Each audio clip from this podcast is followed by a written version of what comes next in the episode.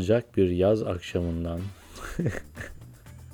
Pazartesi çorbası ve Dünyayı Kurtaran Adam'ın yeni bölümüne hoş geldiniz. Bu bölümde basit şeylerden bahsedeceğiz. Mesela ayran aşı çorbası. Yemekhanede de yediğimiz çorbalardan olan ayran aşı çorbası.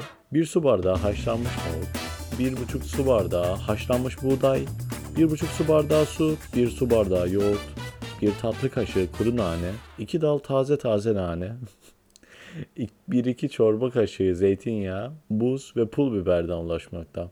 Şimdi nasıl yapılacağına geleceğiz. Gelecek miyiz? Bu bölümlük bu kadardı. Kendinize iyi bakın. Bu bölümde aslında küçük değişikliklerin büyük sonuçlara varabileceğinden bahseden bir kitaptan özetle ne anladığımı bahsedeceğim. Aslında bu kitap etkileyici ve basit bir tekrarlayıcı bilgilere sahip.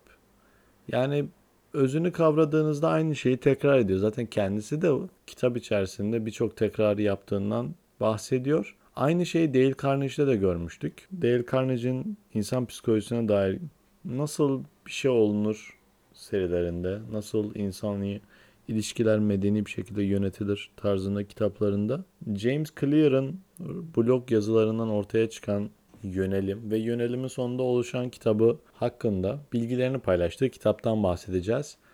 Ayran aşı çorbasının nasıl yapıldığına gelirsek malzemeleri şimdiye kadar toparladığınızı düşünüyorum. Geniş bir kasede bir bardakta yoğurdu çırpıyorsunuz. Üzerine bir buçuk su bardağı su ve ağız tadınıza göre tuz ekliyorsunuz. Ondan sonra bir buçuk su bardağı haşlanmış buğday ve bir su bardağı haşlanmış nohutu ekliyorsunuz üzerine. Ondan sonra iki dal taze nanenin yapraklarını ve bir tatlı kaşığı kuru nane ekleyip karıştırıyorsunuz. İsterseniz servis ederken üzerine bir iki kaşık zeytinyağı ve buz koyabiliyorsunuz. Basit ama sıcak yaz günlerinde etkili bir çorba, ayran aşı çorbası.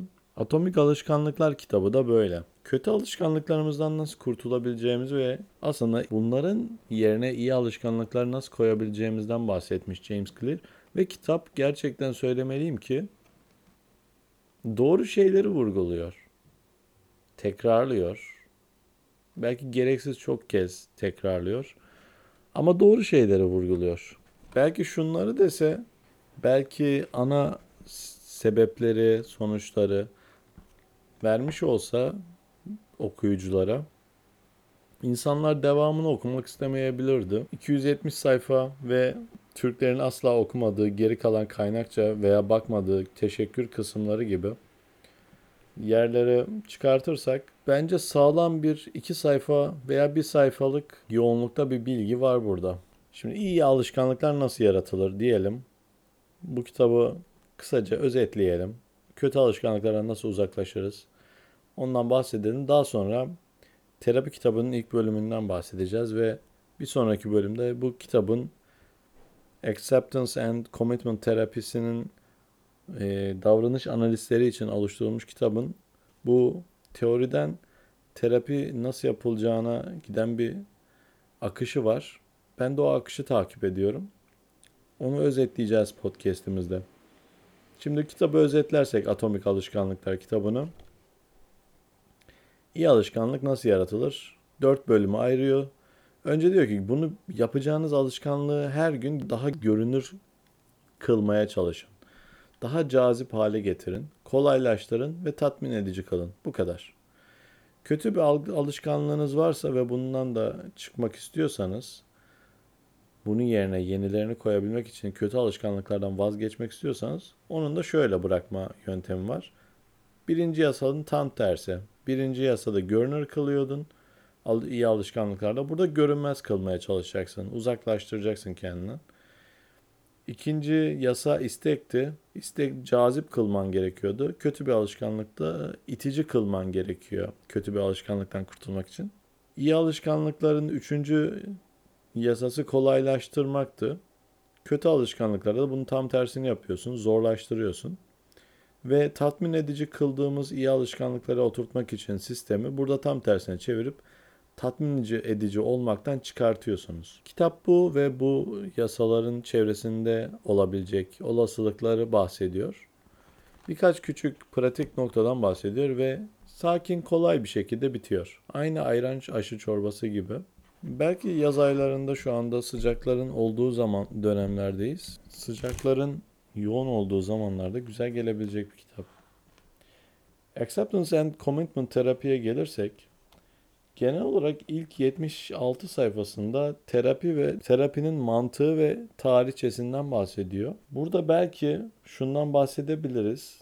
Bu bölümün zaten kısa olmasını istiyordum. Bizim esnek ol, esnek ol dediğimiz şeyin bu terapi yönteminde altyapısını hazırlayan düşünceler nasıl oluşturulabilir dediğimizde şöyle uzunca bir listeyle beraber aslında esnekliği kazanmamıza yetecek bütün bilgileri içeren bir paragrafla karşılaştım. Sizle paylaşmak istiyorum bunu.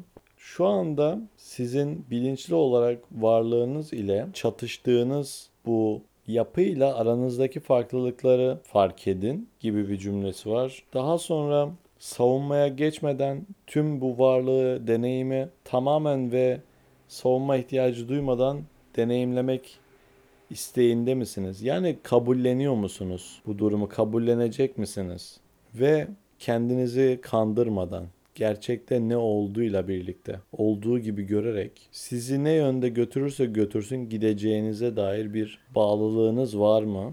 Ama bu tabii ki şu anlama gelmiyor. Kendi değerlerinizi reddedin demiyor. Diyor ki artıdan kendi seçtiğiniz değerlerle birlikte şu anda ve bu durumda olduğunuz kişiyi bilinçli kişiyle çatıştığınız şeylerin arasındaki ayrımın farkında mısınız? Belki iyi toparlayamamış olabilirim ama özetle esnek olmanın altında bu düşünce var. Kabul edip, kabullenip kendi bağlılığınızı eyleme dönüştürebiliyor musunuz? Ama bunu yaparken tabii kendi değerlerinizden de vazgeçmeyin. Kendini varoluşa bırakmak gibi bir romantizm, romantik tercümesi yapılabilir. Ama Batı'nın da bireyselliğinden vazgeçmemiş. Kendi değerlerinizden de vazgeçmediğinizi vurgulamış. Bu kitabı ve diğer kitabı merak ediyorsanız kaynaklar bölümüne ekleyeceğim kitapları. Eğer dilerseniz bu kitapları araştırabilirsiniz daha derinden. Kendinize iyi bakın, iyi günler.